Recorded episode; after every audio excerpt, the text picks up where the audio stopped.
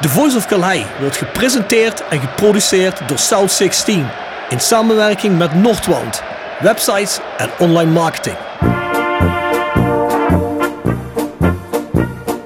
Eriksen, hij komt wel goed terecht trouwens, die uittrap. Eriksen, dit is zijn sterke punt. Van buiten naar binnen komen en dan schieten. Dat is een schitterende goal.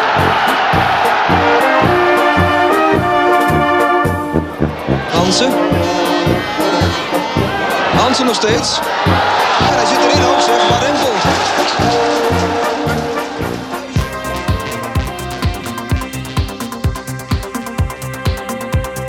Van der Leur. Arnold. Over de lijn, het is 1-1 of niet? Het is 1-1. Graham Arnold toch weer. De Australische tank. Let op Hansma. En dan is het Sibon die die bal teruglegt op Van der Leur. Hij ramt 3-1 binnen in de 49ste minuut. En dan is de wedstrijd verlopen.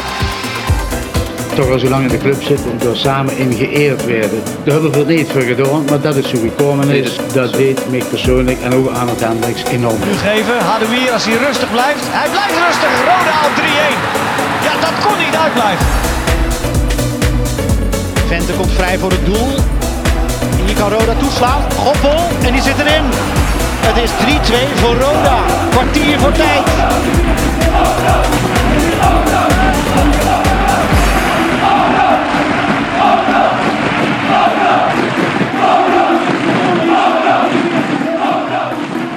Dit is René Trost en je luistert naar de Voice of Calais. Goedemiddag Bjorn, aflevering 19, seizoen 3, Voice of Calais. We zitten weer op een prachtige locatie. Ja, met een heel mooi uitzicht hè, weer bij eh Ingel. De Ja. Veilerhof, hè? Dit is precies het uitzicht waarvan Kees Luik zei vorig seizoen toen hij op het terras hier stond. Oh, dit is fantastisch jongens. Dit is toch mooi. Ja, die zou de slee naken, hè? Ja, je hebt hier uitzicht naar, ik weet niet of Jordens eh, van wijntje haalt, maar daarachter ligt het, het bekendste wijngoed van de Benelux. Wint elk jaar 7, 8 prijzen. Wordt geserveerd in Michelin-ster restaurants in de Randstad, die wijn. Oh ja? Ja, ja, Sint Martinus, wijngaarden. Ik ben benieuwd of dat ook echt zo is. Want als het niet zo is, dan gaat Bart Ullings natuurlijk weer reageren. hè. Dat topografisch vermogen niet zo heel hoog dat is wel zo. Ja, dat is Ah, heel zeker nou, zo. We horen het wel van Bart. We hebben zelfs al een podcastje opgenomen met Stan van Sint Martinus. Heel ander verhaal. Nee, dat is als je inderdaad tijd genoeg hebt. Podcast nee. Imperium komt eraan. Bronsgroen Eekhout heet die. Komt goed. Ja, een aantal mededelingen. Mensen, south16.com is de website. We hebben een hele nieuwe collectie voor de kerst online. Dus als je rode gerelateerde fancultuur merch wil kopen, ga daarheen. We hebben een aantal dingen nieuw. Er zijn ook een aantal nieuwe designs, zoals gezegd. Kunnen we dat deal betalen en we hebben de laatste batch Gluk Auf Dort. Ja, echt traditioneel mijnwerkersbier hebben we ook. Die is er nog altijd. Dus ik zou zeggen, ga daarheen. We proberen ook iets terug te geven aan de regio. We dit jaar samen met Roda JC, die ons ook ondersteunen. We trekken samen op daarin. En dat is namelijk voor de inzamelactie voor Sinterklaas en Kerst. Donderdag 25 november tussen 6 en 9 uur. En zaterdag tussen 12 en 15 uur. Speelgoed, snoepgoed, als je eventueel een financiële gift wil doen of inpakpapier hebt, dat soort zaken, kunnen we altijd iets mee. Wat we over hebben aan van geld wat we niet aan inpakmateriaal hebben besteed, kopen we ook nog cadeautjes of snoepgoed voor de kinderen. Dat is dus voor de kansarmste kinderen in de regio die uit gezinnen komen die eh, tussen wal en schip vallen met allerlei regelingen. Heel onbureaucratisch komt dat bij de gezinnen terecht. Dus ja, ik zou zeggen, breng daar je speelgoed en je snoepgoed heen. Wel heel even, er zijn een aantal criteria. Alsjeblieft geen knuffels en geen babykleertjes. In de coronatijd kunnen we het helaas niet afleveren. Het speelgoed moet wel compleet zijn of als je spellen hebt of wat dan ook. Incompleet is natuurlijk niet zo leuk om te geven. Ja, als jullie dat kunnen doen, dat zou mooi zijn. En Rode helpt ons ermee, zoals gezegd, en accommodeert ons in de stoertruimte tussen de oude gele kaart dus tussen de noordingang, de hoofdingang en de ingang van West. Dus morgenavond en zaterdagmiddag. Jij kunt die babykleertjes toch wel gebruiken, of niet? Nee. Ja, want hij wordt vader eh, in januari, toch? Ja, ja, ja, ja, ja, ja, ja. Ik heb er nu tijd voor, hè. ik krijg ze niet meer rond, dus het is beter. Ga je wel nog die DNA-test laten doen? Ja, ja, het zal moeten, hè. je weet maar nooit. Zeker met onzekerheid. Als, er als er dadelijk zo'n klein donker babytje uitkomt. Ja, je bent vaak niet thuis geweest natuurlijk, hè? Ja, ja, ja, ja. Maar ja. Kan eh, altijd bezoek zijn geweest. als die vrouw in Roemenië de DNA-test van mij laten doen in Amerika en Italië, dan mag zij er ook in laten doen. Hè? Dat is- geit. Ja, daarom, hè. daarom. Hey, jongens, eh, wij zijn rodejc.nl. Heel grote website in het rode gebeuren. Daar hebben we ook afgelopen vrijdag voor reclame gemaakt. Dat doen ze komende vrijdag weer. Hebben ze gisteren ook gedaan. Dat is namelijk in de 70ste minuut de man van de wedstrijd kiezen. Ja, het zal gisteren eh, wat moeilijker zijn geworden. Hè? Wie had jij als man van de wedstrijd gisteren, Bill? Ja, ik heb de beelden niet gezien. Ik heb alleen op de app een beetje gevolgd en eh, Twitter. Ja, ik denk niet Dylan Vent in ieder geval. Nee, die was heel ongelukkig weer. Nou, ik vind er wel Benji wel. Ook balverlies, maar wel altijd urgent en altijd toch soms een Messi-eske beweging. Ik wil hem helemaal niet met Messi vergelijken, maar eh, Ik heb er een beetje moeite mee om een man van de wedstrijd een rode kant te kiezen als je 2-1 verloren hebt. hij was in ieder geval de beste. minuten is wel vroeg. Ja, ik weet het ook In niet. de laatste 20 minuten. Dat is wat die mannen maakt, bepalen. dan, eh, Heb je al eens een uh, hat gemaakt in de laatste Nee, nee, nee. 20 nee, nee, minuten? nee. Ja, je hebt niet zoveel gescoord. Ik zag je hele carrière 9 goals. Hè? Ik werd niet betaald om goals te maken. Nee, dat Eh, klopt. Nee. ja, ik kreeg wel van Ivo Kals, van de, van de jongens van de Rode Cultuur, kreeg ik wel een videootje van Jordans doorgestuurd. Heb ik hem ook nog even doorgestuurd. Ja, waar die die heb rood eh, gezien, ja. tegen Roda. Die twee gele kaarten. Daar Ja? werd hij wel voor betaald toen. En hoe lang geleden was dat? Was dat niet een 15 of zo? Ja, dat dat is mijn, eh, het was mijn eredivisie debuut. Het was in, eh, in het eh Parkstad Limburg stadion. Was het jouw debuutwedstrijd? Ja, niet mijn debuut. Ik, ik, heb, ik had al heel veel wedstrijden Nee, gespeeld. maar in de Eredivisie. In de was het was mijn debuut. De eerste Oh. twee wedstrijden zat ik op de bank. En toen dacht ik van, eh, dit wordt mijn kans. en eh, toen stond ik na eh, een minuutje 75 onder de douche. Tweede gele kaart. 15.000 eh Rode JC-fans die me naar binnen zwaaien. Dat voelde dan wel weer goed. En toen wist je al van, hier moet ik later ja, zijn. dit, dit is de plek. Ja, ja, ja, ja, tuurlijk. Ja, ja, is ja, plek, dat zie je wel. Dus waren Voorbestemd. lekker warm. Ja, daar ging Dijkhuis altijd naar die play-off wedstrijd met Ja, dat Sparta. ook. Die zei, ik ben hier met Sparta geweest en dit vond ik zo fantastisch. Toen Roda mij benaderde, wil ik daar ook meteen spelen. Ja. Nou, dat heeft uh, Jonas al heel vroeg gehad. Ja. In Engels noemen ze dat foreshadowing, hè? Ja, ja, precies. Ja, ja, Ja, ja. dat is, eh, het lot, hè? Is het lot, ja. Hey, mensen, ook de nieuwe door Koempel is deze week uit. Nou, doen meer ook achtergrondverhalen van alles en nog wat. Maar dat is een Roda printmagazine, hè. Steeds een keer in een hogere oplage, dus het is populairder geworden. De fanclubs zijn ook groter geworden, heb ik gehoord. Dus dat is een positief iets, hè. Meer leden schijnbaar. Die is deze week uit en er staat een schitterende foto op van het oude scorebord van Kalheide. Kun je nog wel herinneren, hè, Bjorn? Ik mag er nu wel iets over zeggen, denk ik. Want volgens mij is hij op het moment dat dit uitkomt, is hij volgens mij ook uit.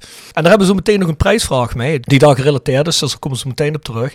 Voor de rest kun je ons natuurlijk vinden overal waar podcasts te streamen zijn, hè, Spotify, iTunes, Soundcloud, waar dan Google, Amazon, dan ga er gewoon heen. En ja, volg ons daar. Er zit bij Spotify zo'n mooi belletje naast. hè. Dan krijg je altijd een signaaltje wanneer de nieuwe uit is. Dus als je om 1 uur s'nachts wakker schrikt, woensdagnacht, ja, dan zijn wij dat. De Voice Kort, dat is onze andere podcast hè, met Jasper Klute en Bart Eurlings. Daar doen we alle nabesprekingen, voorbeschouwingen. Voor iets meer dan een euro kun je je abonneren. Die zit op petje.af, schuine streep naar voren, The Voice of Calais. Dus als je ons daarin wil ondersteunen, want ja, het vele podcast maken kost natuurlijk ook wel heel veel tijd. Hè, en moeite en energie. En ik zie Bjorn Jegers al klaar zitten om daar iets over te zeggen. Maar eh, ga daar dan maar heen. Hè, en abonneer je als je ons wilt steunen. Nee, als ik die tijd zou hebben, dan zou ik dat ook graag doen. Heerlijk. Ja, luister, daarvoor moet er geld binnenkomen. Ja, Dus- uiteraard. uiteraard. Laatste mededeling. Ja, ik heb met Jamie Mullenders en Jonas Peters afgesproken dat wij weer kaartjes mogen verloten. In de podcast. Alleen, ja, dat is een beetje moeilijk op het moment, want er wordt niet Makkelijk, dat is gespeeld. makkelijk weggeven. Ja, dat is Maar, makkelijk weggeven, hè. Dus wie kaartjes wil voor uh, Rode VVV? Nee, we hadden vorige keer al gezegd, je kon kaartjes winnen voor Rode JC Den Bosch. Dat is natuurlijk ja, heel positief gedacht. Maar ga in ieder geval op het moment dat er weer tickets te krijgen zijn. Of als je toch een halve seizoenskaart wil gaan kopen in de winterstop. Al is het maar om de club te ondersteunen. Ga naar ticketshop.rodejckerkrade.nl en dan koop je daar je tickets of je halve seizoenskaart. Ja, Bjorn.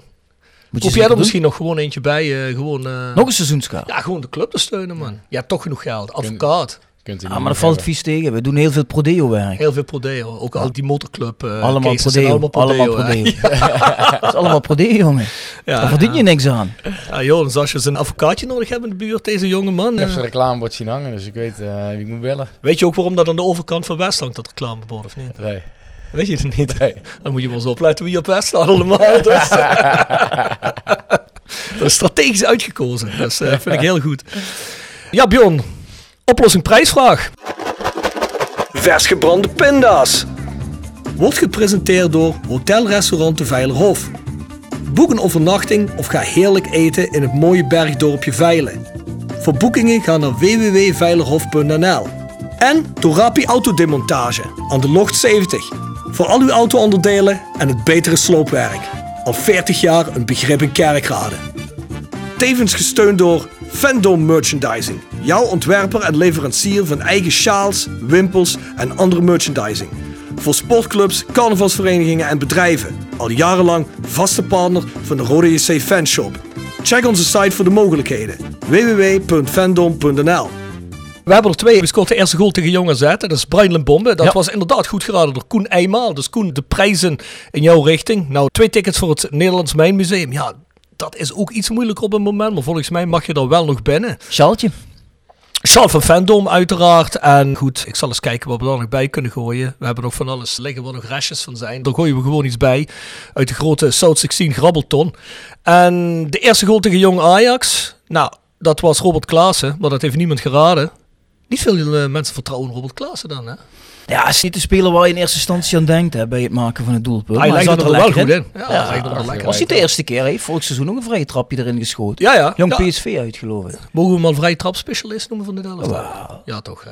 Nou, je zou misschien denken dat Fluke zo'n bal zou opeisen, maar ja. Letterlijk zit er niet Nee, lekker maar- in de laatste maar had Klaasje niet misschien ook die pingel moeten nemen? Ja, denk ik wel. Denk ik wel. Fluke ook niet, want die zit er niet lekker in de laatste weken. Ja, en Dylan is gewoon een beetje ja, ongelukkig de laatste weken. Ik denk dat toch een beetje vooral hem een beetje spelen. Hij jezelfvertrouwen. speelde, hij speelde eigenlijk een hele goede wedstrijd. Ja, maar ja.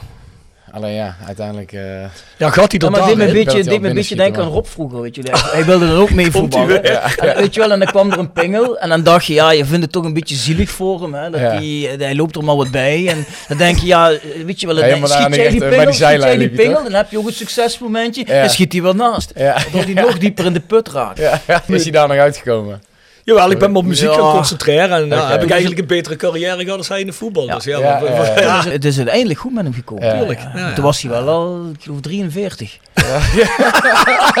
Is inmiddels ook alweer een jaar of 15 geleden. Dus. Je hebt laadbloeiers, hè? Ja, zo is het. De volgende prijsvraag. Roda nam met een vriendschappelijke wedstrijd de lichtinstallatie op Kaleide in gebruik. Tegen wie spelen ze? Ah, ik heb als bonusvraag. En wie scoorde er? Daar heb ik heel erg mijn nek uitgestoken, want dat kon ik niet op internet vinden. Maar ik weet zeker dat de jongens van de Cultuurhistorisch Initiatief bij dat die het vast en zeker weten. Nou ja, ga maar zoeken. Ik zou in ieder geval graag gewild hebben dat ik erbij was geweest. En niet alleen omdat het die wedstrijd was, maar zeker voor de ploeg tegen wie het was.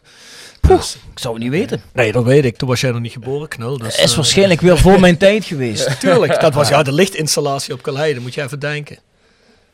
Dat is een tijd geleden. Nou ja, goed. Hè? Trouwens, wat is er met die ene lichtmast gebeurd die ze op de rotonde zouden zetten voor het Roda Stadion, waar nu dat godslelijke eh, geval staat? Volgens mij staat hij bij Joop thuis, toch? ja, achter in de tuin, ja. Eh, het kunstwerk eh, op de rotonde. dat is lelijk, hè? Eh, weet ik niet, maar het ziet er best gevaarlijk uit. Namelijk. Ja, maar- ja, er, staan, er staan een paar punten. En Ja, ja. als je daar toch... eh Ja. scootertje een keer de rotonde per ongeluk oprijdt. Nou, ik zou het zo zeggen, Jorens. Bij het minste geringste succes halen we de play-offs, staat dat daar vol. En dan de lokale driehoek heb je meteen een hele discussie mee. Dus dat Ja, is dat helemaal niet zo slim gedaan. Nee, hè? Nee, is niet slim gedaan. Moeten we Skyline moeten we dan eventjes... eh, Skyline, ja, er zal niet veel van overblijven. Nee, dan, want dat eh. weet Joris misschien niet, want er was een initiatief om een van die lichtmassen, Ja. oude lichtmassen op die moesten afgebroken worden, want Ja. die waren, dat staal was niet meer veilig of zo, hè, die basis. En dan zouden ze een stuk van afzagen, dan zouden ze de rest zo op die rotonde zetten als een soort, eerbetoon. Ja, Dat is eigenlijk best, eigenlijk best een mooi initiatief. ja was het ook. Maar ja, Ah, dat is heel mooi zelfs. dat is in de slop Ja. geraakt met Ah, alle voorgangers van jou, die waren niet zo uit op initiatieven. Want Elke keer werd elke keer overgedragen aan de... Ja, totdat die lichtmas ergens verrodden in de tuin ligt. Die ligt waarschijnlijk ergens op de sloop. Liggen- Als het niet zo is, laat het ons maar sloop, weten. sloop denk ik niet, maar dan, ligt dan, zal dat initiatief zal dat natuurlijk van de baan zijn nu. Denk je dat hij bij Pascal van Pie op bedrijf ligt? Of bij eh Leon Stok Dat zou ook zomaar kunnen. in de tuin. Ja, dat is wel een goed kunnen. oproepje. Of iemand nog weet waar die... eh, Ja, Ja. goeie vraag. Wil je, er iets, wil je er iets mee gaan doen dan, Joris? Nou, dat sluit ik niet uit. Nee, jongens, hey, hier horen jullie voor het eerst. Dus Ik het heb heel gedeelte die heel heeft. weinig verlichting in de tuin, dus ik ben nog op zoek. Dus, eh, Nou, als hij bij Job in de tuin staat, zou ik alleen zeggen, zet het licht aan dat hij het licht ziet. Ik denk dat die lichtmassen we te weinig licht geven. Dan. Denk je? Oké, oké. zo zijn Nou, we bezig, hoor. Ja, ja, ja. Dus dat is de prijsvraag. Dan zul je zeggen, hoe komt hij nou op die lichtmast op Kalheide? Maar, ik heb net al gezegd, op de Koempel deze week, ja, deze editie, staat een mooie foto van het oude scorebord. Nou, zijn de mannen van www.heerlenillustrated.nl, daar hebben we al eens een keer dingen van weggegeven. Bjorn, daar hebben we al eens een keer een metrokaart van Heerlen weggegeven, hè, de fictieve metrokaart van Heerlen. En we hebben al eens een keer een schets van de contouren van het PLS weggegeven, die hun ook gemaakt hebben. Hebben trouwens een hele mooie website met allerlei lokale zaken hè, die getekend zijn. En dat doen ze deze keer weer en dan geven ze vier onderzetters weg. Dat zijn van die mooie harde onderzetters. En daarop staat vier keer dat scorebord getekend. Dat zijn leuke onderzettertjes, dus die geven we ook mee weg. Plus kaartjes van de Mijnmuseum En natuurlijk wel Charles Fendo. Dat zijn prachtige prijzen. Dat zijn de goede prijzen, toch? Hele, hele mooie Kijk, prijzen. het loont zich altijd een mailtje te sturen naar thevoiceofcalais.south16.com. Dat is wel veelvuldig gebeurd deze week. Maar voordat we naar onze gast gaan, jullie hebben het natuurlijk al gehoord, hè? De eerste tip van de week. Tip van de week. Gepresenteerd door Jegers Advocaten. Ruist de Berenbroeklaan 12 in Heerlen. Hart voor weinig, nooit chagrijnig. www.jegersadvocaten.nl En Nextdoor Kapsalon, Nagel en Beauty Salon op de locht 44A8 te Kerkrade. En Roda Support. Supporter van werk. De uitzendorganisatie rondom Roda JC waarbij de koempelmentaliteit centraal staat. Roda Support brengt werkgevers en werknemers met een hart voor Roda samen. Ben je op zoek naar talent of leuk werk in de regio? Kijk dan snel op www.rodasupport.nl of kom langs op onze vestiging in het Parkstad Limburgstadion voor een kop koffie en een gesprek met Boris, Peter, Frank of Ben. Ja, tip van de week. Ik heb eigenlijk vrij weinig nieuws, Rob. Want ik ben begonnen aan seizoen 2 van The Tiger King. Joe Exotic. En, ken je hem, Jordens? Ja, ik ken hem. Ik, Ken ik, heb, eh, ik heb een aflevering gezien. Ik heb nog niet... eh, Maar die, ik zat gisteren te kijken en toen dacht ik... Godverdomme, die vent die lijkt echt op Rob. Nee, nee, nee, wacht even, maar wacht even. Beetje dezelfde stijl, zelfde haarkleur, zelfde kapsel. Haarkleur, Ja, een beetje... Jij doet mij echt aan Joe Exotic denken. Nou luister, als ik zo'n tijger had, hè, dan zou ik hem opsluiten in één honk met jou. Ja? Ja, ik zou je gewoon wel eens zien rennen. Ik zou je een stukje zien rennen. Ja, dat kan. Volgens mij heb je een misschien, hele... gaat het, re- misschien gaat het gevecht wel aan. Nou, dat geloof ik niet. Ik denk... Ik denk ik, ik, Ja, hij gaat het wel aan, maar dat is voorbij nee, in twee seconden. ik ben heel goed met dieren. Dus ik denk dat ik zo'n dier meteen rustig zou Ik krijgen. bedoel dat dat dier jou heel Luister, lekker ja. vindt. Dat, Dat, nee, als ik zeg zit, sst, rustig, dan gaat hij gewoon zitten. Denk je dat? Ja, zullen we een keer uitproberen? Gaia zo ligt ervoor. Nou, wil ik best Jij vroeger nog getraind op de Gaia zo, hè? Mondo Dat is, eh, Verde kan ook. Mag ik daarbij zijn? Ja, natuurlijk. Ja, je bent uitgenodigd. Nee, de witte tijger op Mondo Verde is dood. Ja, eentje. gehoord. Oh, eentje. Er zou er nog eentje zijn. Ja, dat De is een zoon. zoon, hè? Ja, ja. ja, ja, er zit hier allemaal gevaarlijk Ja, ja, eh, ja, hier in het zuiden. hè. Maar goed, ik ben dus eigenlijk eh, deel 2 van jouw eh, levensverhaal aan Man. het bekijken. Ja, ja, ik vind jou wel een Karen eigenlijk. Dan vind ik je ook op lijken en dat bedoel je ook een beetje. ook die dressstijl. Maar goed, ik heb drie snelle tips voor jullie. Het zijn drie podcasts. Ik ga weer een paar mensen pluggen. Oh. Ten eerste ga ik pluggen Welcome to the AA. Dat is een Belgische podcast. En die is met Alex Agnew. Ken iemand van jullie Alex Agnew? Nee, jong. Een van de grootste stand-up comedians in België. Hoe ken ik Alex Agnew en zijn sidekick Andries Bekkers? Ik heb de band waar hun spelen heb ik gemanaged. En Andries Bekkers heeft vroeger zelfs bij mij in de band gespeeld. Maar dat is een van de bekendste Belgische podcasts. En die is Welcome to the AA. Die hebben heel bekende mensen erin zitten. Bijvoorbeeld de jonge man die ook in Undercover speelt. Rico was, Oh, Ja, ja, was. ja. Goeie acteur trouwens. Hè? Die gasten en allerlei heel bekende Belgische art-celebrities komen daar voorbij. Was ook voor Nederlanders heel leuk om te luisteren. Dan heb ik nog Unexplored Dat is voor de IT-nerds hier. Wordt gedaan door Duncan Epping. Dat is een VMware-specialist. En er komen allerlei IT-topics voorbij. En de Post-American Podcast. Post-American Podcast is misschien nog iets van jou, Bjorn. Post-American. Post-American, dat is een hardcore podcast, hardcore muziek. En eh, dat wordt gedaan door Richie Mancuso. En dat is eh, de gitarist van de band Wisdom and Chains. Ken je Wisdom and Chains? Ken ik. Goeie band. En dat is ook een hele goede podcast. Een van de oudste hardcore podcasts die er is. Eh, geen hardcore films, Jonens. Daar gaat dat niet over. Maar eh, muziek, Jammer. hè. Voor de mensen die dan geïnteresseerd zijn, Zou ga een erheen. podcast zijn. hè? Ah, dat weet ik niet. Nee. Je weet je helemaal nooit wat het goed voor is. Hè? Dat is trouwens een goed idee. Misschien anderhalf uur van die geluiden. Voor mensen die een fetish hebben. Volgens mij zou dat goed Je hebt voorkomen. overal mensen voor. Maar hoeveel podcasts heb je nu? Een stuk of vier? Vier. Vier, daar maak je daar toch de vijf van? Ja, daar Vet hoef is je helemaal niet veel voor te doen. Je hoeft alleen maar op te nemen terwijl eh, mensen Ah, in ja. gang gaan. Hè? Oh ja. Als ik hem bij jou neerzet, hoor ik dat niet. Ja, je vrouw zegt altijd, ik voel hem niet. Dus, eh, Jawel. dus er zal, het zal weinig geluid zijn. Ja, waarom schreeuwt ze dan altijd? Ja, ze schreeuwt altijd omdat ze zo ontsteld is dat er niks gebeurt. Nee, jong. Ik ga ik haar vragen als zij... eh, Moet je dat er nu nog gaan vragen? Als zij, wat is het vandaag? Dinsdag, vrijdag komt ze weer in de live feed en dan mag ze daarop commentaar geven. Oké, dat gaan we er vragen. Ik ga we haar vragen. En jouw vrouw zit wel eens in de live feed, hè? Die komt altijd en dan stuurt ze een hartje of I love you. Ja, ik heb wel Dat- dat is voor mij ik bedoeld, niet voor van jou. de vorige keer. Ja. Volgens mij is dat voor mij bedoeld, niet voor Nee, jou. dat heeft ze me gisteren je- ook bevestigd. Ik heb het er dat gevraagd, was het voor mij of voor Rob? Zei ze, nee Ja, schat, dat voor ze jou. jou natuurlijk niet vertellen, dat is logisch. Nee, nee, nee, nee, nee. Goed, ik zal de appjes dan maar houden waar ze zijn. Oké, hey Bjorn, onze gasten vandaag. Ja, hij is al een paar keer aan het woord geweest. Hè? Dat is onze nieuwe AD Jonas Peters. Jonas, we vinden het echt tof dat je bij ons zo snel te gast wilde zijn. Ja, Geen probleem. Maar dat kwam natuurlijk ook omdat je al goede verhalen over ons gehoord had, toch? Heel veel goed, ik heb heel veel goede verhalen gehoord, ja. Nee, maar vooral eh, ook een aantal keer geluisterd, hè. Dus Ja, ja, ja? ja nee, nee. Ik denk, ik moet wel mijn research doen voordat ik hier, eh, hier aan tafel ga Ja, zitten. die Bert-Jan Boer, die was natuurlijk heel uh, lovend Ja, over ja, jou. ja, ja, die heb ik drie keer geluisterd. Ik denk, die, die- Ja, die, elke keer als hij naar huis rijdt, dan, dan komt hij met zo'n heel Ja. opgeblazen bos komt hij naar voren. Hè?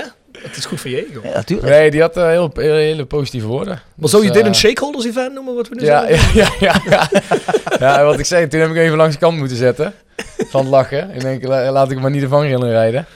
Nee, dus eh, de shakeholders, ja, ik denk, heb ik daar nou ook zo verwoord naar hem? Met, eh, dat ik met de shakeholders om tafel ga. Maar, Hij wilde dat echt niet in de podcast hebben, maar ik moet echt serieus zeggen, dat is best een leuke term om te coinen. Dus eh, ja. ik vind dat jij nu als fris gebakken AD, als jij met de term shakeholders aan de loop gaat. Wie weet het, Ja. de dikke vandalen volgend jaar. Je ik weet sluit niet uit dat hij nog ergens terug gaat komen. De shakeholders. Goeie, goeie, goeie. Hey Jordens, kijk, Rodi C is natuurlijk niet alleen maar beroemd binnen Parkstad, maar we zijn zelfs heel erg bekend op Sicilië, Palermo. Daar hebben we ook vrienden zitten, onder andere Giacomo Verigi.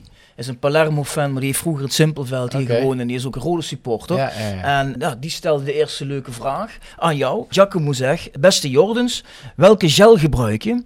En moet je ook feunen of blijft het vanzelf zo mooi omhoog staan? Dat is een goede vraag. Is een goede vraag. Ik moet zeggen, ik dacht dat ze in Italië daar wel verstand van hadden. Als er ergens een land is waar ze eh, de, kuif, de kuifjes eh, mooi kunnen krijgen. Nee, ik, eh ik feun eh, wel altijd, maar ik feun eigenlijk altijd droog. Want eh, s ochtends als ik uit mijn bed kom, dan staat het alle kanten op. Dus dan stap ik onder de douche. Dan feun ik droog, maar ik spuit er meestal van die zeezoutspray in. Zeezoutspray. Zeezoutspray. En dan blijft die stugger van. En daarna hoef ik, smeer ik maar een heel klein beetje, ja, een beetje wax. Oh ja? Ja, Zeezout, dat ga ik eens even tegen Melanie zeggen. Van Next Door, Kapsalon Nagel en Beauty Salon. Ja, de sponsor van deze podcast. Zeezout. Ja, zeker. Ja, Ik dacht al dat hij ging zeggen, ik ga het zelf proberen. Nee, dat dacht ik in eerste, maar toen dacht ik, oh shit, dat heeft geen zin. Dan weet je niet, misschien het haar op zijn rug, hè? dat kan ook. Hè? Dus, Ja, eh, ik ben eh, flink behaard, ja. wordt ergens gecompenseerd. ja, ja, ja. Ja, We ja, hadden ja. wel heel veel gecompenseerd bij hem hoor, dus eh, dat komt goed. Dus, eh ja, eh, zeezoutspray. Zeezout. Zeezoutspray. Ik heb er ook nog nooit van Ik, gehoord, ik, vind heb, ik ik, goed. heb, Ja, dat is ik, nog ik niet zou niet weten welk zijn. merk het is, maar het is zeezoutspray. Ah, dat weet, eh, dat Ja. weet Melanie wel. Melanie weet het. En hoe bevalt het in het zuiden? Goed. Ja? Ja, goed. Als je dit nou ziet, denk je dan van, ja, godverdomme, weet je wel. eh, Je had het net in de introductie over Kees Luijm, maar het is, het is echt prachtig. Dus, Ja, het ziet er echt heel mooi uit. Want je hebt ook al in een interview gezegd van ja, je blijft wonen in Maaskantje, hè, want je hebt daar je vrouw en je hebt daar Ja. twee kinderen. Maar ik vraag me dan af, is het ook niet een droom van je om te zeggen van ik wil ook wel wonen in de Heilust of in Blijerheide of Chevemet? Ja, jullie hebben mij de vorige keer een beetje, eh, een beetje verteld eh, waar dat precies is. Daar was ik nog niet goed van op de hoogte. Het is de wijk achter Kaalheide, volgens mij. Ja, ja, Heilust ligt achter Kaleide, ja. Dus ik weet niet of ik er daar thuis doorheen krijg, maar... Nee, maar kijk, met de woonplaats, ik, ik, heb er wel, ik heb er wel lang over nagedacht. Want ik, het, het, het, het heeft zijn voor- en zijn, na, zijn, en zijn nadelen. En ik vind het grote nadeel dat ik... eh, ik, ik heb hier natuurlijk geen netwerk. En ehm, gelukkig kennen Sociaal mensen- netwerk bedoel je? Sociaal netwerk, ja. Mensen kennen me gelukkig natuurlijk wel een beetje uit het voetbal. Dus de, de, de eerste gesprekken gaan daar natuurlijk altijd wel eh, makkelijker. Maar ik weet, en ik besef me ook wel eh te degen dat je er wel gewoon veel tijd en energie in moet gaan steken. En ja, hoe meer je hier bent, hoe beter. Dus het is wel door mijn gedachten gegaan. Alleen ja, wat ik al zeg, ik heb een jong gezin. Zoontje van 2,5 en nu een dochter van 8 weken. En eh, ik kom uit de luxe positie van heel veel thuis zijn naar heel weinig thuis zijn. Ja, want hoe lang was het van Tilburg naar Maaskantje? Ehm 25 minuutjes. Oh, is dat alles echt? Ja, ja, ja. Maar ja, je komt uit een tijd. Eerst eh, zit je een tijd thuis met corona. Hè, toen de competitie werd eh, stilgelegd. Dan ga je een jaar bijna maar één keer per dag trainen. Om met corona. eh, en in Tilburg was het, was het destijds echt heel erg. Maar één keer, eh, één keer eh, trainen, niet eten op de club. Dus, dus heel veel uur thuis zijn. Ja, nadat ik ben gestopt, weer vijf maanden thuis. Dus ik heb ontzettend veel mee kunnen krijgen van mijn, van mijn zoontje. Wat, wat echt een luxe is. Alleen nu ga ik naar, naar eh, ja, 180 graden eh, de andere kant op. En dat is, eh, dat is heel, heel veel van huis. En ik denk, als ik dan ook nog eens mijn, eh, mijn gezin uit die vertrouwde omgeving haal. Terwijl ze heel veel steun hebben aan familie om het nou allemaal een beetje goed te laten landen. Vooral met mijn jongste dochtertje erbij. Lijkt me niet een heel gelukkige keuze. Dus, eh, Ja, ja, zoals gezegd, daar hebben we begrip voor. Maar als het ooit zover komt, dan willen wij best jouw vrouw een keer rondleiden door de Heilust. ja, ja. En misschien dat ze dan wel zegt van, dat wist ik helemaal niet, dat het hier zo leuk is. Ja, Toch? Ja. En als ze dat niet vindt, kan ze altijd vijf kilometer zuidelijker rijden. Dan zit ze hier. Dan zit ze hier, dat is nog mooier. Ja, dit is een eh, prachtige plek. Ja, dat is echt weten. prachtig. Dan heb je geen Ja. vakantiegevoel een beetje op het moment. Jawel. Ja, kijk, ja, kijk, dat bedoel ik. Nee, ik zei nog tegen mijn vrouw toen ik uit, eh, de eerste keer naartoe zei, ze, ja, we, we viel de rit, was het, eh, was het lang. Ik zeg, ik kom er nou weer achter dat Nederland eh, heuvelachtig is, joh. Ja, Lang dat, niet eh, geweest. dat wordt alleen maar erger als je in die richting gaat. ik moet dus, ook zeggen, eh, en ik weet niet meer welk hotel het was, maar wij zaten altijd als we Rode JC uit moesten spelen. Ja. Eh, ook in een prachtig hotel. Ergens in een soort van kasteel. eh, ja, dat is wel- Valsbroek. ja, dat zou, Zou kunnen. kunnen, ja. Zou kunnen. Maar dat je ook wel echt in die heuvels, en dan gingen we vaak wandelen natuurlijk, die dag van tevoren en op de dag. En, eh, Nou, het zou best Valsbroek geweest kunnen zijn. Dat zou best goed kunnen. Ja. Volgens mij is, een beetje zijn een er wit, vaak sportploegen die dat zo... ja, ja, Ja, dat is wit. ja, ja dan, dan, dan is het, ja. ja. Hey, dat is maar- goed geregeld bij Willem II dan, hè? Dat is goed. Maar je overnacht ook wel eens in een hotel, toch? Als het laat wordt. Ja, zeker. Nee, eh, minimaal één keer in de week. En ik merk nu, ja, er, zijn ook heel veel eh, zaken die, eh, die s'avonds gebeuren. Ik noem maar iets, eh, overleg met supportersraad, eh, overleg met eh RWC. eh, ja, er zijn zoveel dingen die in de avonduurtjes gebeuren, omdat die andere mensen overdag natuurlijk gewoon werken. Ik zou het best graag overdag willen doen. Maar dat is vaak, vaak s'avonds en dan overnacht ik, eh, overnacht ik ook hier. En eh, ik moet zeggen, qua reistijd is dat ook fijn, want dan, dan rij je op één dag een uur, een kwartier en de volgende dag rij je terug. Ja, dan is het Maar heb je dan een vaste suite of krijg je dan per keer een nieuwe ja, kamer? per keer een nieuwe kamer. Oh, ja, ja, ja. Ja, dat kan Joop toch iets beter regelen, vind ik. Hè? Een vaste suite zou mooi zijn, hè? Ja, dat, ja, lijkt wel ja, dat, moet, dat, dat moeten Stijn en? Godenius, moeten dat gewoon even afhuren voor hem. Ik zou wel zo'n suite willen hebben, hoor. Ja, kom op, hey. Tussen willen en kunnen zijn nog verschil. Ko- Quote 100 man, die moeten gewoon onze AD, hè, moeten ze gewoon lekker in de water leggen. Vind ik ook. Eigenlijk zou ik, ben- zo'n man als jou, zou ik gewoon een hele verdieping eh, moeten hebben. Standaard tot Pen, zijn beschikking. penthouse. Penthouse. uh, ja, vind ik wel. Dan als jullie daar hard voor, hard voor willen maken, een soort van crowdfunding, zullen we daarmee beginnen? Crowdfunding, crowdfunding, crowdfunding. Daar gaan we het zo meteen nog wel even over hebben hoe de crowdfunding eruit ziet. Ja, ik denk dat... toch veel luisteraars? Ja, maar, Ja, zeker. Ja, nee, ik denk dat we daarvoor bij Gigi moeten zijn. Als Gigi zegt, doen, Dan doet Dan ze gebeurt dat het ook. Godenius staat. Ja, maar ik moet, zeggen, ik moet zeggen van in het hotel, kijk, wanneer ik in het hotel overnacht, de ene keer kwam ik om eh, tien uur binnenlopen en de andere keer om half twaalf. Dan is het echt eh kamerpasje vragen, Eh, dan is het gestrekt, wakker worden en, eh, en je stapt weer in de auto. Nee, daar maakt het ook geen reden uit, heb je Dus gelijk. daar heb je geen penthouse voor nodig. Nee. Dat op en neer rijden, hè, nu is het nog allemaal nieuw. Kun je je voorstellen dat je op enig moment zegt van, boah jongens, weet je wat, ik vind het fantastisch bij de club, maar ik kan mijn gezin niet uit die situatie halen, uit de sociale kring. Maar ik krijg toch ook wel een beetje de scheid van het op en neer rijden. Maar ik kan me voorstellen, hoe lang is dat? Een uur en een kwartier elke dag? Anderhalf Ja. uur?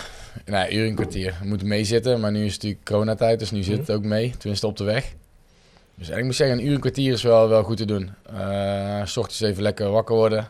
Zet ik jullie podcast natuurlijk op, eh, een beetje op de hoogte blijven.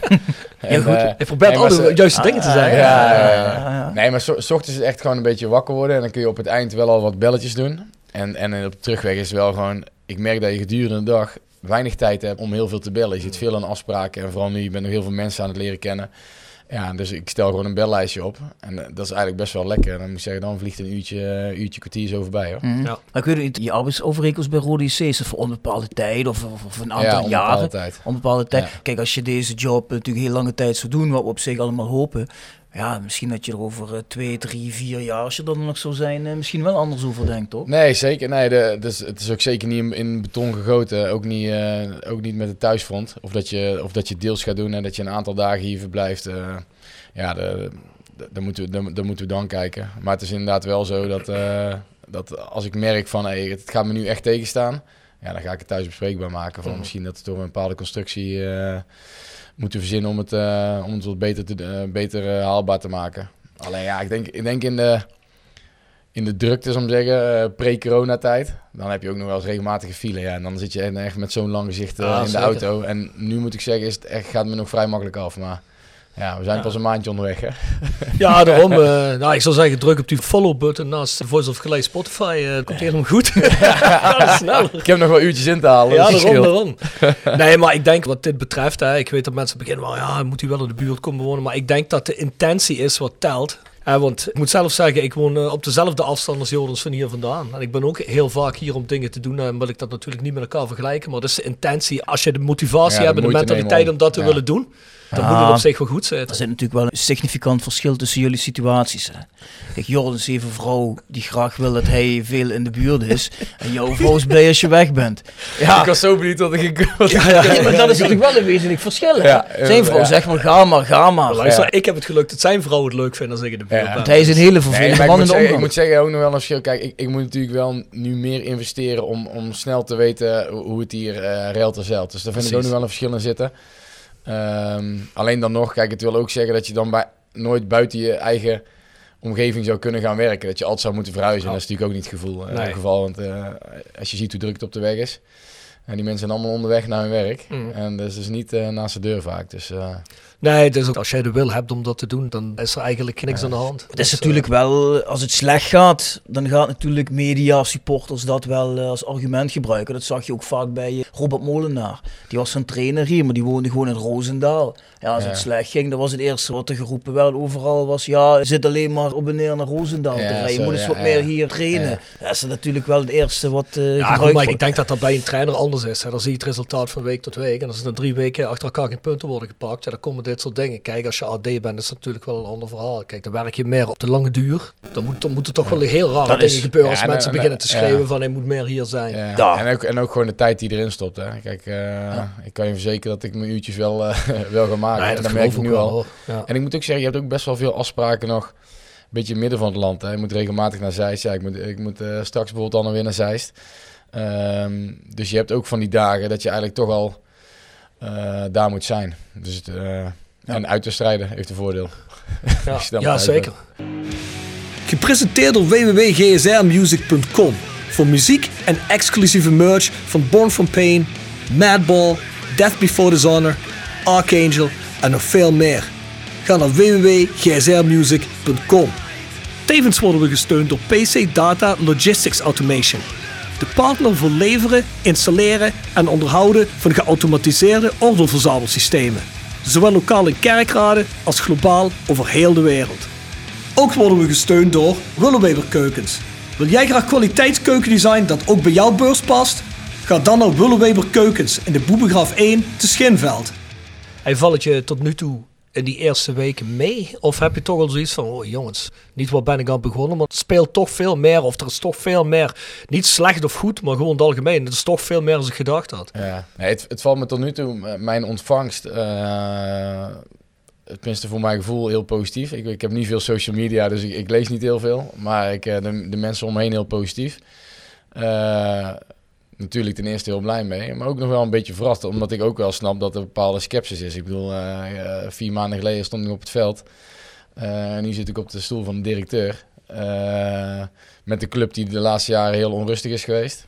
Dus, dus ik snap ook wel dat mensen daar twijfels en vraagtekens bij hebben. Alleen ik merk ook wel dat iedereen ook wel weer toe is aan een beetje een, een, nieuwe, nieuwe frisse wind. En die hoop ik ze daarin ook eh, te kunnen geven. Alleen dat ontvangst, eigenlijk zeer positief. Wat ik wel steeds merk, nu ik wat meer mensen aan het spreken ben, is dat, en dat is ook het fijne, iedereen heeft een mening over Roda hier. Je hebt ook clubs die in de stad zitten en eh, ja, die, die club doet niet zoveel voor de stad of daar hebben ze geen gevoel bij. Hier heeft iedereen een gevoel. Maar dat kan van heel positief naar heel negatief zijn. Ja, ja. En dat is een ontzettend breed eh, spectrum. Dus het, er moet wel echt sentiment gedraaid worden bij, eh, bij, een hoop, bij een hoop mensen. En ik denk dat ze dat ook wel willen, maar dat wij aan zet zijn. En eh, daar wacht wel een belangrijke taak. Ik denk dat je dat heel goed analyseert hebt, Johan. Want is wat jij zegt, Johan. Kijk, de emotie die er zit, hè, dat is hetzelfde met een... Als je veel van iemand houdt, als die je slecht behandelt, dan reageer je ook extra Ja. meer daarop en extremer. Net omdat je veel van iets of van iemand houdt, weet je. En dat is inderdaad de emotie die bij veel mensen zit. En ze zijn heel lang teleurgesteld. Er is natuurlijk ook een hele hoop gebeurd hier, gebied, hè? Ja, Er is een hele hoop gebeurd hier in de afgelopen jaren. En er zijn mensen door afgehaakt, terwijl die mensen denk ik diep van binnen wel nog altijd gewoon dat Roda gevoel hebben. Ze zitten eigenlijk te wachten op een aanleiding om toch Ja. weer aan te haken. Ja, Alleen, ja, precies. die aanleiding, Ja. daar zitten we eigenlijk al telkens op te wachten. Hè? Nee, maar precies, eh, dat, dat zijn precies de goede woorden. Eh, Ik, of in ieder geval wij, willen ze weer een reden geven om, om ook weer voor Roda te kiezen. Ik heb nu het gevoel dat ze aan het wachten zijn inderdaad van... Hey, als er ook maar iets een beetje positiefs gebeurt, dan, dan gaan we er weer voor met z'n allen. Alleen is wel aan ons om dat, eh, ja, Ja. om daarmee te beginnen. We hadden een podcast met Bert-Jan Boer erover en dan viel eigenlijk een goed trefwoord. en Het was kwetsbaarheid. Dus kwetsbaar opstellen naar die mensen toe. En niet dat je op je knieën moet gaan voor die mensen, maar wel gewoon zeggen van, hey, jongens, er is inderdaad ook van onze kant veel fout gegaan de afgelopen jaren. Hoe Ja. kunnen we dit beter maken? Ja. En dan is dat toch soms of te veel ego of te veel trots of weet ik veel wat de laatste jaren bij bepaalde bestuurders. Waardoor ja, die mensen nog verder werden weggeduwd. Ja. Ze zeiden van, ja jongens, zij luistert, lig echt niet in onze, lig echt in jullie. En nu ga je ook nog hoog voor de toren blazen, Ja. daar doen we niet meer mee. Laat maar lekker. Het is ook wel een beetje een probleem in het, in het voetbal. Hè. En ik denk dat niet alleen Rode, maar heel veel clubs hebben zich altijd heel arrogant opgesteld. Dus, eh, dus altijd meer eh, genomen dan gegeven. Eh, vaak is ook wel een beetje, een beetje de houding, volkssport nummer 1. En eh, ja, als je echt entertainment wil, dan kom maar naar een stadion. Alleen je merkt gewoon dat dat sentiment wel aan het draaien is. Ook van sponsoren, die verwachten veel meer van een club. Eh, niet alleen 17 wedstrijdjes, maar wat straal je nog meer uit als club?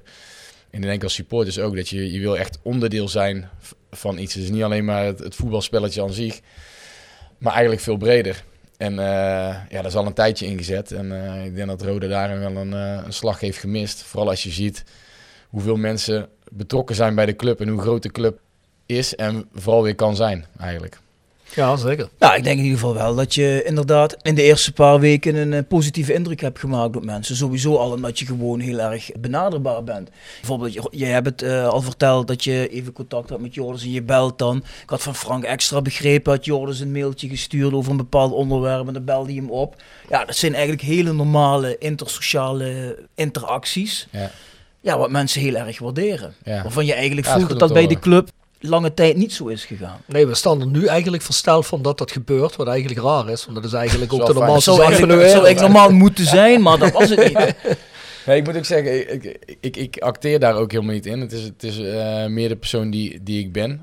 En ook, ook daarin wil zijn. Maar ook wel hoe ik denk dat je als voetbalclub zou moeten acteren. En dan gaan, dan gaan er ook nog echt, dan gaan, dan gaan straks ook nog genoeg dingen fout. En eh, dat jullie echt denken van, eh, heb je die onervaren Peters weer met zijn beslissing.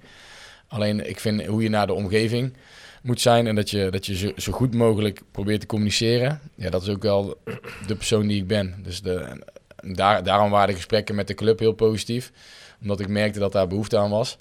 En dat we daar wel dezelfde ideeën over hadden, ja. Zouden wij daar nog een aandeel in gehad hebben, Rob? Want wij hebben eigenlijk altijd geroepen van Roda moet gewoon kijken naar Mark-Jan Flederis, Wouter Gudde, Max Huibers. Jongens die eigenlijk net voetballer af zijn. En dan de voetbalkleding verruilen voor een stropdas. Ja. Dat type, dat is eigenlijk gewoon modern, nieuw in de voetballerij. En dat zouden wij ook moeten doen.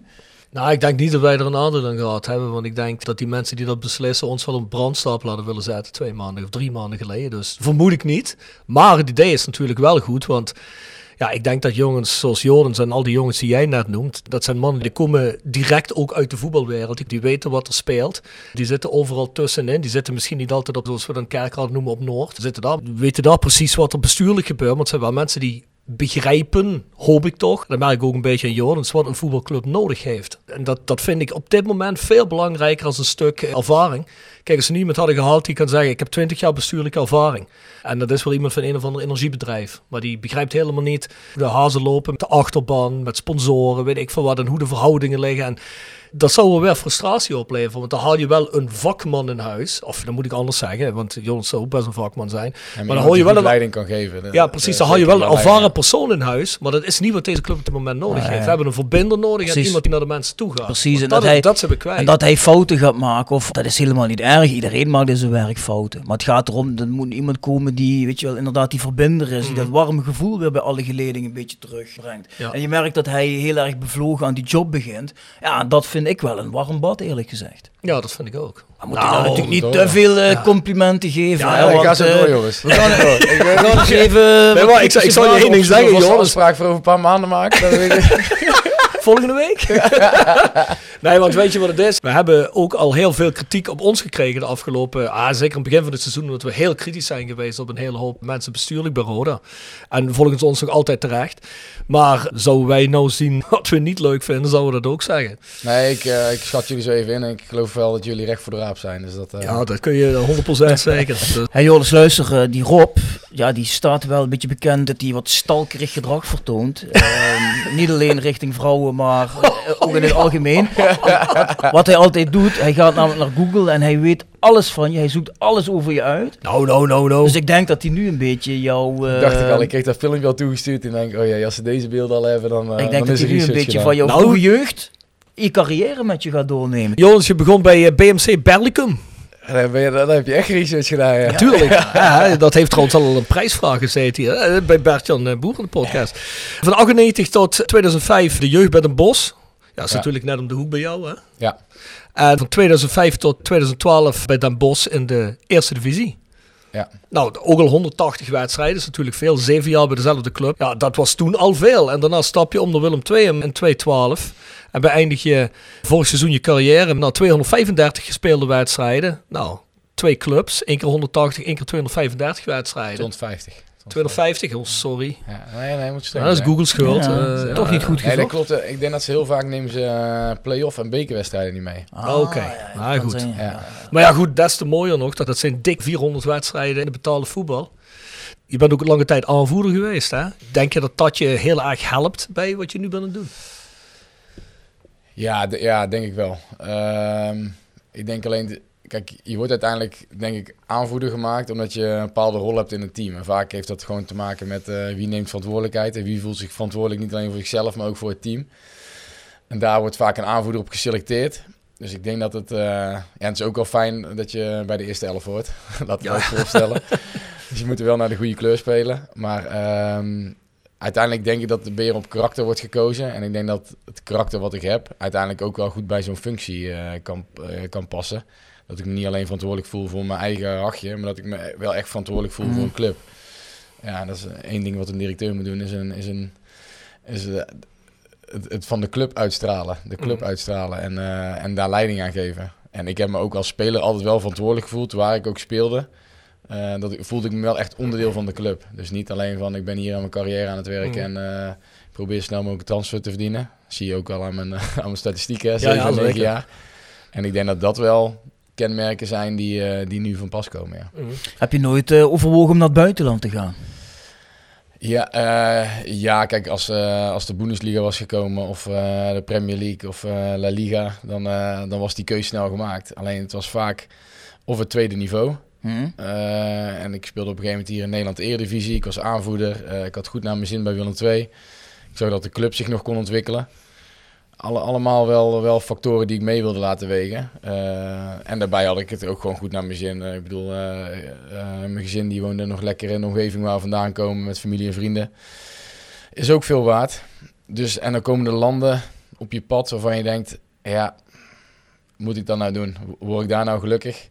En dan ga je misschien iets meer verdienen als je het allemaal krijgt. Hè? Want op papier Mm. zijn het mooie bedragen, maar in de praktijk valt het soms vies tegen. Dus uiteindelijk... eh, Je moet ook niet naar Bulgarije gaan. hè. Roemenië. Nee, nee, nee, nee, nee, maar je hebt wel heel veel Oostbloklanden die dan Ja, ja. langskomen. En, Ja, ja. en eh, ik, ja, soms zeg ik, ik was geen, ik ben, eh, ik, ik was, ik moet zeggen, ik was ondertussen, ik was geen pure broodvoetballer. Mm. Natuurlijk, als je gaat onderhandelen, ga je strak onderhandelen en je wil gewaardeerd worden en het meeste eruit halen. Maar niet zo dat ik dacht van, eh, ik ga echt eh, vier jaar inderdaad in Roemenië zitten of in Bulgarije of in Polen. Dat, eh, Jij bent wel vaak in uh, Oostbloklanden en zo gekomen. Ja, hè? ja. ja. Ja, ja. ja. Ah, Ja, ik vind ik- dat dan fantastische tours. ja, ja. Gastvrije mensen, super shows. Ja, ja, is ja, dat eh, weet ik. is altijd gezellig. Ja, ja. Nee, maar het gaat ook helemaal niet Lekker om... Ja, het gaat ook helemaal niet om de mensen. Alleen ik denk van als je nu Eredivisie speelt in Nederland, hartstikke mooi voetballand.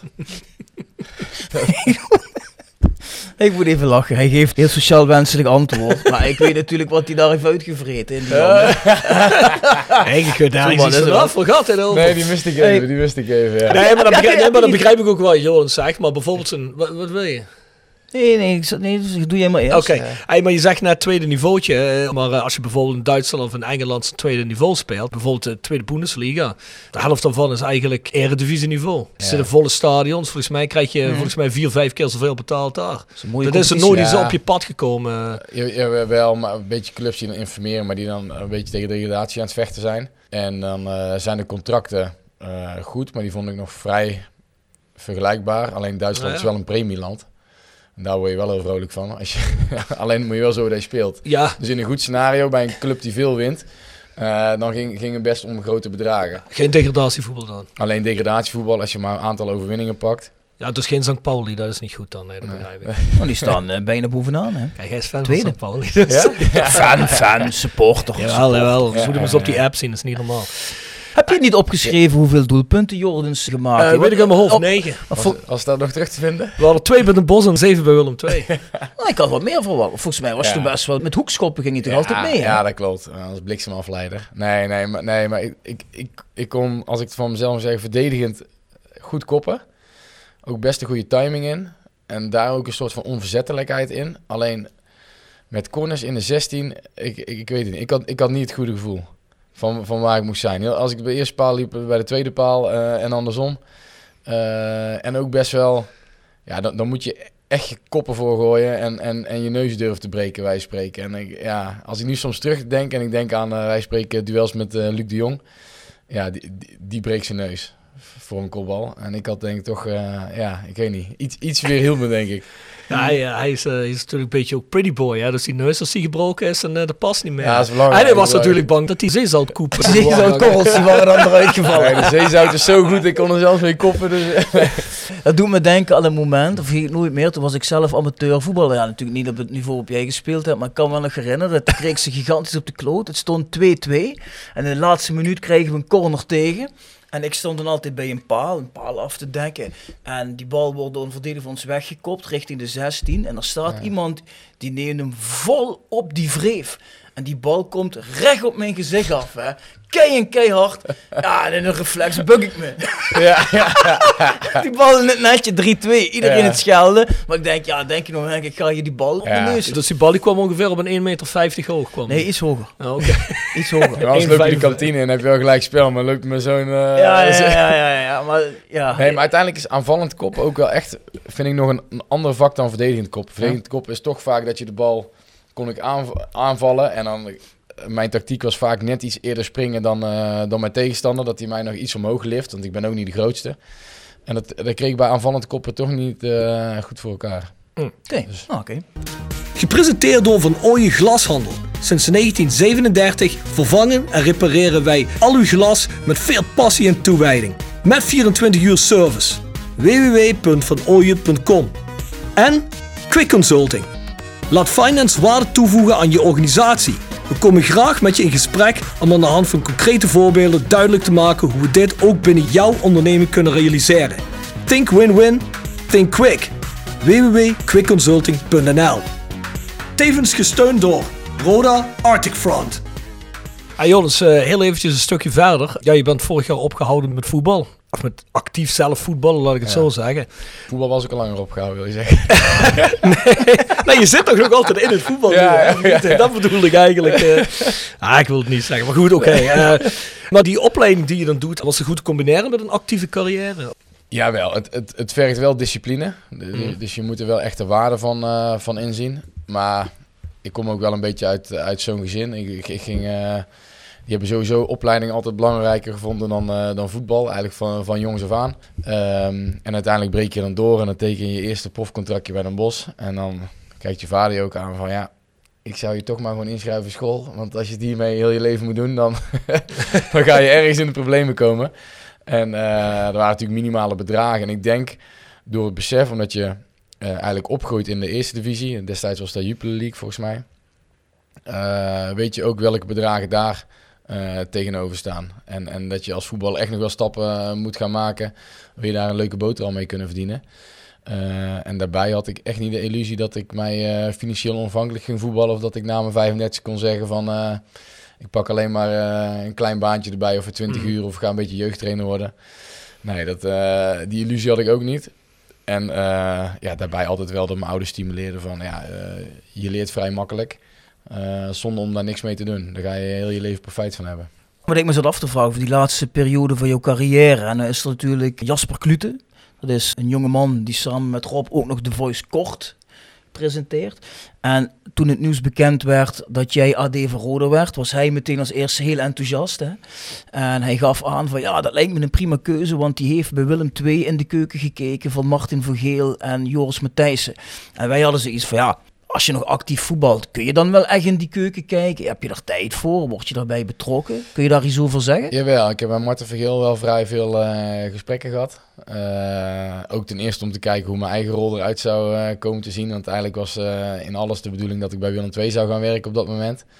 Ehm, alleen ja, op een gegeven moment zijn ook alle functies bezet. En dan ga je kijken, was ik iets meer van de jobcrafting. Dus, dus je hebt een bepaald persoon. Hoe kun je die zo goed mogelijk in laten, of in, inzetten in een organisatie? Nou, Marten Vergeel die zei eerlijk van ja, het is op dit moment in het team best wel moeilijk. Het zou super goed zijn om, eh, om, om andere eh, stappen te nemen. En ik denk dat het voor mijn ontwikkeling ook goed is, omdat ik nou uit mijn veilige, vertrouwde omgeving eh, word gehaald. Ik bedoel, je, kende iedereen bij Willem II. Wat heel veel dingen makkelijker had gemaakt, maar dat je eigenlijk nog steeds denk ik niet eh, een goed beeld krijgt van wat die functie nou precies inhoudt.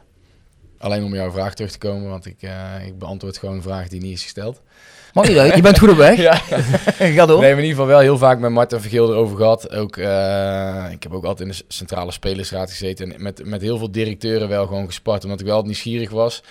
Hoe ziet het nou op managementniveau eruit? Kun je je dan een goed beeld geven? Ja. Eh, hoeveel weet je dan? Laat ook eerlijk zijn. 10%, 15%.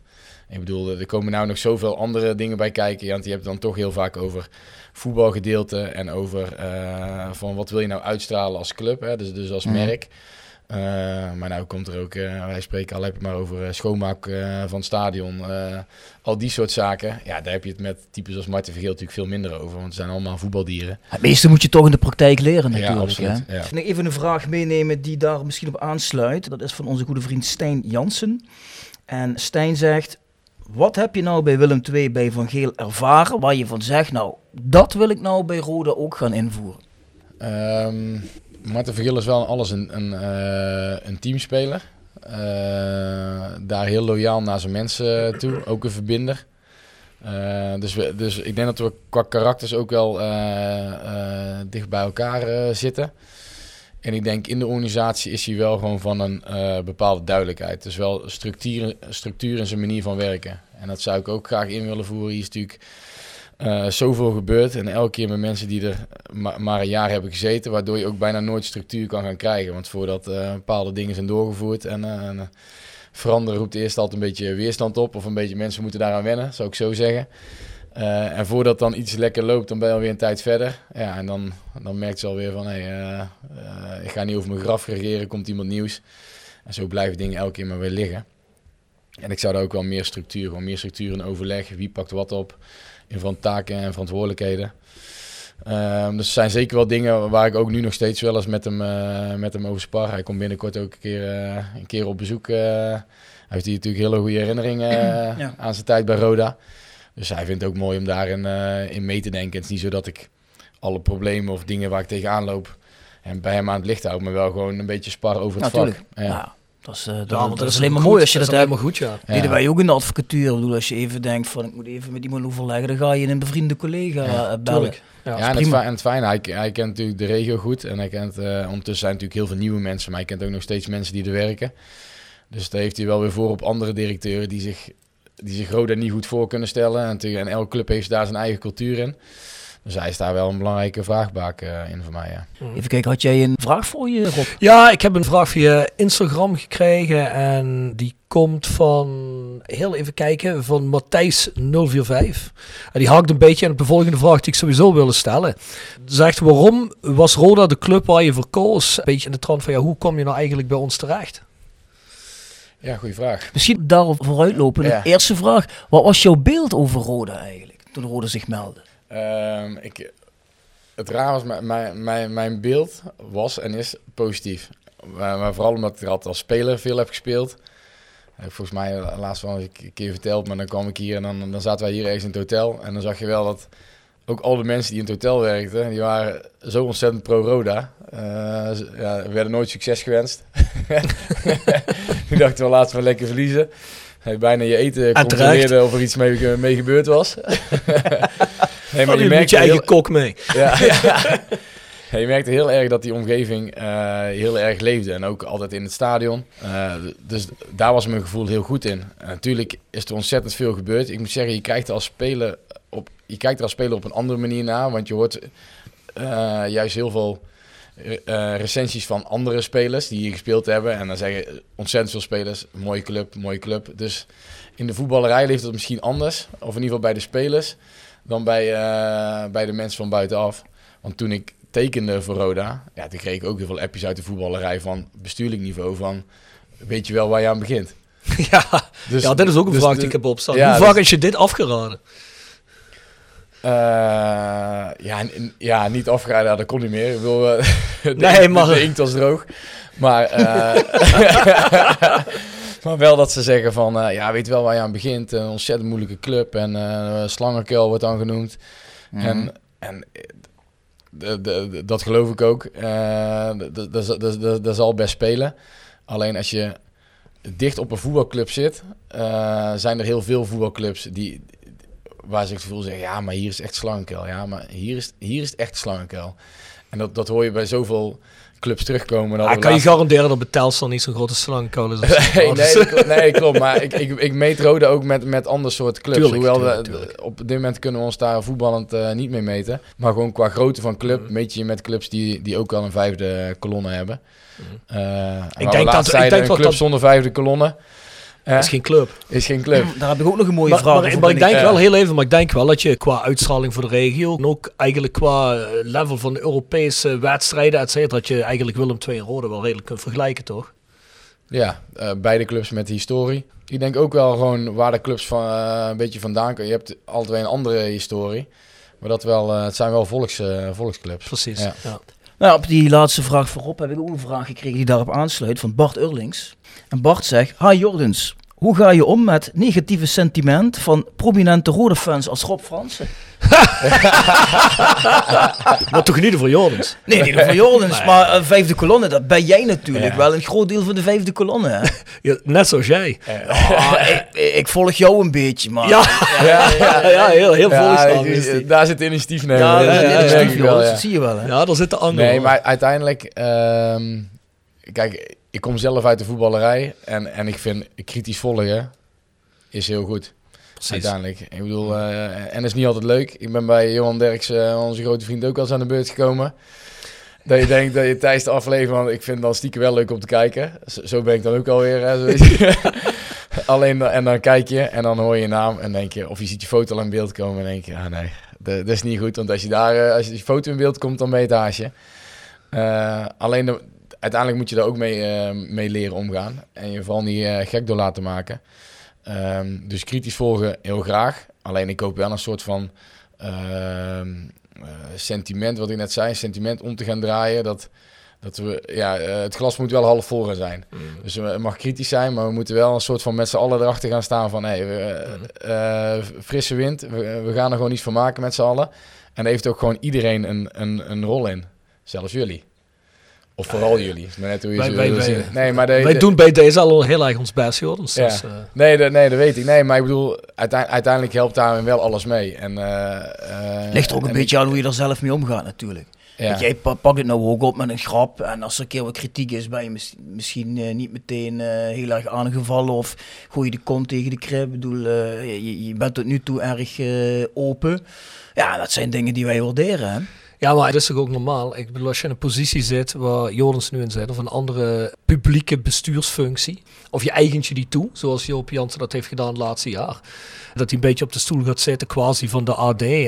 Ja, dan moet je, vind ik, communiceren naar buiten toe waar je mee bezig bent. Of je moet in ieder geval communiceren, punt. Je kunt niet elke keer zeggen, ik zie dat niet zo en ik heb geen commentaar. Kijk, dan heb je twee punten. Eén, dingen die van binnenuit de club naar buiten komen, waar er kritiek op bepaalde mensen is. Ten eerste, is niet van de lucht. Hè. Dat komt ergens vandaan. Zeker als er 7, 8, 9 mensen zijn die in bestuurlijke functie zitten. Ten tweede, als je communiceert en je legt dingen uit, nou dan haal je de angel er meteen uit. En dan kun je meteen uitleggen waar je wel mee bezig bent. Ja, je laat eigenlijk iedereen maar de vrije loop met communicatie. Of iets over je te denken. En dat vind ik al helemaal fout. En bovendien, wat hadden wij dan moeten doen? Als jij ziet dat er allerlei mensen die aan de club verbonden zijn. Dan komt misschien ook zo meteen nog heel even over. Over bijvoorbeeld de, de portefeuille technische zaken in de RVC. Dat was René Tros. René Tros, ja, misschien wel bekend. Hè? Nou ja, goed. Wij vinden dat gewoon heel vreemd dat dat soort mensen de kant worden gezet. Die, eh, ja, die- Ja. Gaan we niet helemaal op in het hoe en het waarom. Maar dat vinden wij gewoon vreemd. Daar vinden wij wat van. En los daarvan Ja, zijn we dat natuurlijk goed. een pro-Rode JC-podcast. Dus als het positief kan, we willen ook het liefst eh, Ja, we zijn- positieve uitzendingen En maken. we zijn niet L1, Deze op- we deze zijn niet, we Deze zijn niet opmerking objectief. onthoud ik, hè? Pro-Rodi podcast. Nee, dat is dan, mag je, dan mag je ons op afrekenen. Dat is ook zo. Nee, maar Kijk, we om- krijgen ook wel eens te horen, jullie zijn heel erg subjectief. Ja, met Dunk, we zijn zeker zijn we subjectief. Dat is onze mening. Dus, Ja. maar, Maar we zien jou nu wel al als vriend van de podcast. Kijk, Dus zo snel kan het Nee, maar het Kijk, gaat er ook om hoe je ermee omgaat, hè, nee, jongens. maar ook om daar even op... Kijk, ik, ik vind het ook een... eh, en dat is niet om een wit voetje of zo te halen, maar het, het is ook een verplichting als club. Uiteindelijk zijn de mensen in, je, in de omgeving zijn ook je bestaansrecht. Ik bedoel, er zijn degenen die de shirtje kopen, die in het stadion zitten, die eh reclamebord ophangen, eh, die, die, die sponsor worden. Je hebt als, als regionale club, eh, moet je niet de illusie hebben dat wij hele grote nationale merken aan onze club gaan verbinden. Dus het komt, het komt toch vooral allemaal uit de, uit de, uit de regio. En ja, dan moet je ook teruggeven uit de regio. En een, een voetbalclub is een, eh, een heel emotioneel bedrijf. En mensen willen heel graag betrokken worden. Dus ik, ik wil de mensen er ook bij gaan betrekken. En kun je altijd alles delen? Nee. Ik denk dat je ook, je moet ook openheid geven, zoveel mogelijk, maar ook wanneer het baat heeft. Ik bedoel, je, kan niet in alle openheid onderhandelen, wij spreken. Je Nee, natuurlijk niet. Nee, dus nee, dus zo logisch zijn er heel veel dingen waar je geen openheid over kan geven. Nee, dat is, dat is Maar ik duidelijk. vind wel dat je, dat je mensen onderdeel moet maken van. En dan krijg je er meer gevoel bij. En eh, ja, dan krijg je een keer eh, inderdaad eh, positieve kritieken. En je krijgt een keer negatieve kritieken. Zeker. ja, en die, die zal ik dan ook beargumenteren. Alleen, dat wil niet zeggen dat iedereen het daarmee eens is natuurlijk. Nee, Johan, wacht heel even, voor we doorgaan. Ja? Eerst even een rubriek met Jonas. Oeh, ja, een rubriekje. Jonas Jo wordt gepresenteerd door RodaJC.goals. Het Instagram-account voor je dagelijkse portie Roda-content. Iedere dag een doelpunt uit onze rijke historie. Van Aruna Kone tot Shane Hanze. Van Bob Peters tot Dick Nanninga. Volg RodaJC.goals op Instagram. Nog geen zonnepanelen op uw dak? Bij Marimi Groep in Kerkrade en Heerlen bent u op het juiste adres voor duurzaam advies. Bespaar direct op uw energienota met een hoogwaardig zonnesysteem van Marimi Groep. Marimi Groep werkt uitsluitend met hoogwaardige zonnesystemen die voldoen aan alle eisen van de grootste keurmerken in de solarbranche. Kijk op marimi-groep.nl en maak een vrijblijvende afspraak voor professioneel advies op maat. Van advies tot montage, alles in eigen huis. Persoonlijk contact staat bij ons op nummer 1. Marimi Groep, als kwaliteit uw keuze bepaalt. Tevens gesteund door Metaalgieterij van Gilst. Sinds 1948 uw plek voor gietwerk in brons. Van brons, van Gilst. Jonas Jol. Jolis Jol. Lijkt me niet goed voor, voorbereid. Jol. Nee, Nou, ik heb wel eens een podcast met Jonas gehoord bij de Kovelse kant. Dan ja? ken ik toevallig één, twee jongens van de Willem 2 podcast doen. En dan was hij heel erg goed voorbereid. Er, eh, hij had allerlei lijsten gemaakt van, eh, van spelers, van oud-spelers. Volgens mij klopt dat? Zoiets ja, nee, dat klopt. Dan moest ik mijn favoriete elftal eh, samenstellen. Ja, ja, ja. Maar je hebt hem niet van tevoren verteld wat onze rubrieken zijn natuurlijk. Nou, hij heeft geluisterd, dus ik Oh, dat weet ja, ik heb eh, wel een uh, flarden, dus ik Dat maakt niet uit. Jol. improviseren is een groot goed. Ja, daarom. eh, Iedereen improviseert hier. Dus waarom Jonas niet? Waarom zou het hem beter gaan dan de rest? Ja. Hey, ehm, Jol is de rubriek waar wij vragen, nou, wat is je meest memorabele Roda goal? Oh, wauw. Ja, daar schiet één mij wel meteen te binnen. Maar Wacht, die- laat me raden. Mark-Jan Flederis. Nee, nee, Nee? Oh, goed zo. nee. Nee, ik zit aan die van eh Tom van Hiefte te denken. Die hebben we misschien nog niet. Tegen Welke? NAC. Nak. Oh, Nak ja, ja, ja. maar dat kon, dat kon... dat- Was het nak of nek? Nee, NAC. Nee, die Nak. meteen op de vreef Nee, maar dat was Ah, onze ja. rivaal, dus ik weet, ik weet nog wel tegen... Nee, was Oh, het is maar goed dat Jeffrey hier niet meer zit. hè? Had je met iedereen doorgekund, denk je dan? Ja, ongetwijfeld, ongetwijfeld. Ja. Ja, Jeffrey was een gezellige gast, man. Goeie man. Zeker. Ja. Ook fan van. Goed, de Stom van Hiefte tegen NAC. Ja, en, voor- en vooral omdat je ten eerste weet je hoe, hoe beladen die wedstrijden zijn. Dus ik, ik, vind, ik vind het echt de Oh, mooiste de wedstrijd. play-off wedstrijd. Ja, de play-off wedstrijd. ja, ja. Ah, ja, ja, ja, ja, Goedemorgen. ja, ja, ja, ja, dan moet je even erbij zijn, Ja, nee, ik snap je het dat niet. ik, dat ik eh, Je moet in heel detail in het... Ja, je moet eh, heel- er eh, er gedetailleerd er is een hele mooie tegen NEC waar die meteen op de vreef pakt. Volgens mij de laatste wedstrijd van seizoen... Ja, ja, ja. Je kunt er nou wel een draai aan geven, maar iedereen weet welke goal het gaat mij altijd gaat om belangrijke goals. Ze hoeven mij niet mooi te zijn. Ja, ja. Eh, alleen dan, dan, weet je hoe beladen die wedstrijd is. En eh, wij waren natuurlijk hartstikke blij dat, eh, dat we met Willem II veilig hadden gespeeld. Alleen dan ga je aan het eind van het seizoen naar Mallorca. Of toen misschien zelfs wel Curaçao een keer. Liet het lekker breed hangen. Maar die- ja, in ieder geval dan zit je daar met je team, zit je die wedstrijden te kijken. Want iedereen vindt dat het mooiste wedstrijden van het jaar. Mooier dan het hele kampioenschap Ja. van de Ah, ja, Eredivisie. ja, Het gaat, de promotiedegradatie, daar hangt zoveel meer van af. En dan zit je dan onder het genot in de, in de Spaanse zon. Met de biertje zit je die wedstrijd te kijken. En dat was een hartstikke mooie pot. Rode kaart volgens mij. Swinkels. Ja, Ja, dat Die is een, wel een maat van jullie toch, of niet? Ja, ja, ja die eh, een rode kaart pakt. En eh, ja, toen die goal in de verlenging, ja. Ja, en dan zie je die ontlading. Daar, daar kan ik wel van genieten. Ja, was fantastisch. Was het niet ook zo dat op de terugweg dat Willem II supporters op de bruggen stonden om ook te juichen? Ja, Ja, ongetwijfeld. Ja. Ja, dat kan ik me wel voorstellen. Ja, dat is mooi hè? Ja, dat was, eh, dat was goed, ja. Ja, dat was een fantastische eh, wedstrijd was dat. Meer kan ik er niet over zeggen. Het was uh, fantastisch. Tom van Liefde tegen NAC, zeker. Die doen we erin. Gepresenteerd door Herberg de Bernardeshoeve. Weekendje weg in eigen streek? Boek een appartementje en ga heerlijk eten met fantastisch uitzicht in het prachtige Mingelsborg bij Marco van Hoogdalem en zijn vrouw Danny. www.bernardeshoeve.nl En Stokgrondverzet uit Simpelveld. Voor al uw graafwerk, van klein tot groot. Onze gravels staan voor u klaar. Tevens worden we gesteund door Wiert's Company. Ben je op zoek naar extra personeel?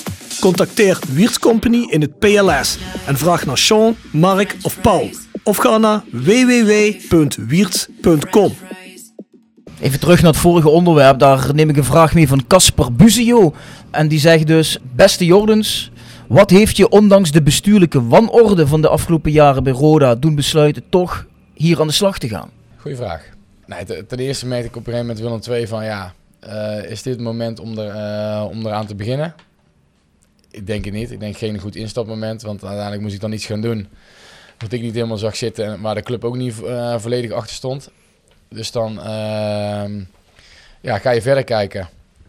Eh, ook, ook, in de, ook in de voetballerij, want het was wel mijn ambitie om in de, om in de sport te blijven. Maar ook niet dat het kosten wat kosten moest. Dus ik had ook wel gesprekken met, met ondernemers. Je denkt toch van ja, ik moet toch een beetje op meerdere paarden gaan wedden. Toen sprak ik eh, Jurgen, Jurgen Streppel, bij een wedstrijd van, van Willem II. En die vroeg eigenlijk van, hey, eh, contract al ondertekenen Willem II? Ik zei, nou ja, sterker nog, ik zei, dat contract gaat er niet komen. Want ik denk dat het voor beide op dit moment beter is dat, eh, dat we eerst eh, ergens anders, eh, in ieder geval dat ik ergens anders ga kijken.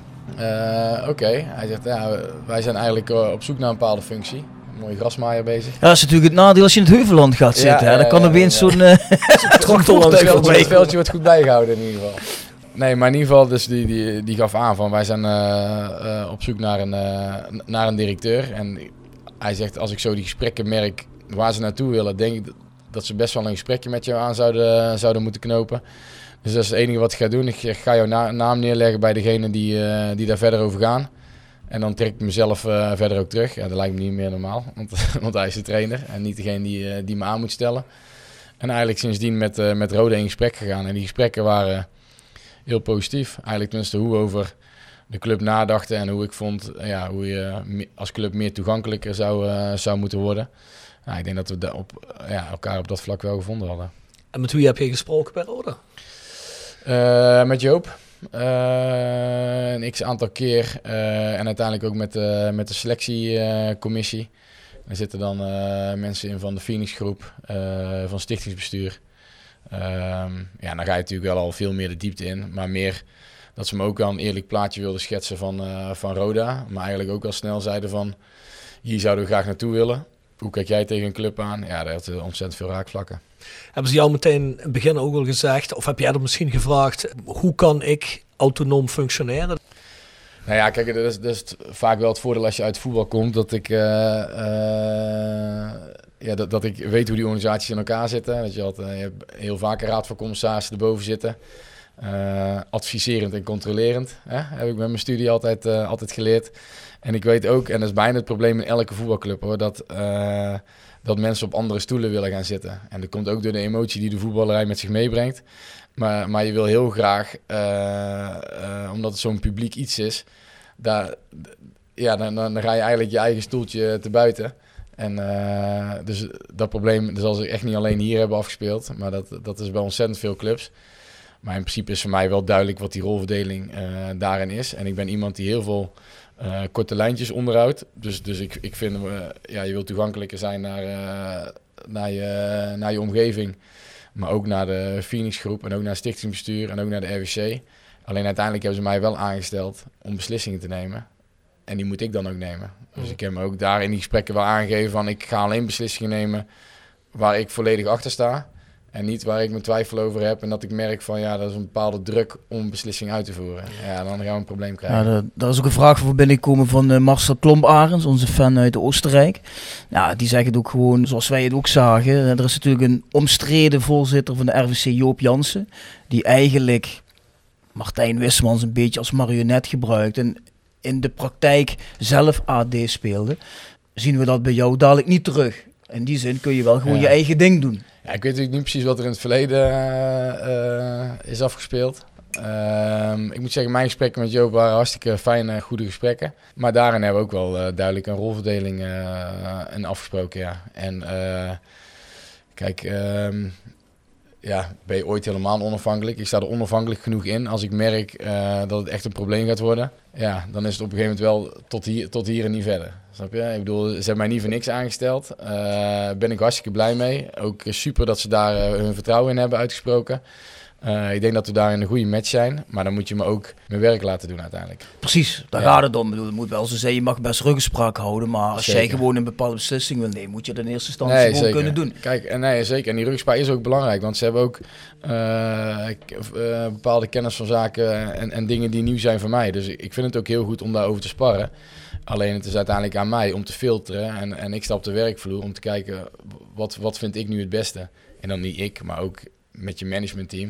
Maar uiteindelijk moet je op de werkvloer die beslissingen nemen. Dat is het einde van deel 1 van onze podcast met Joris Peters. Volgende week volgt deel 2.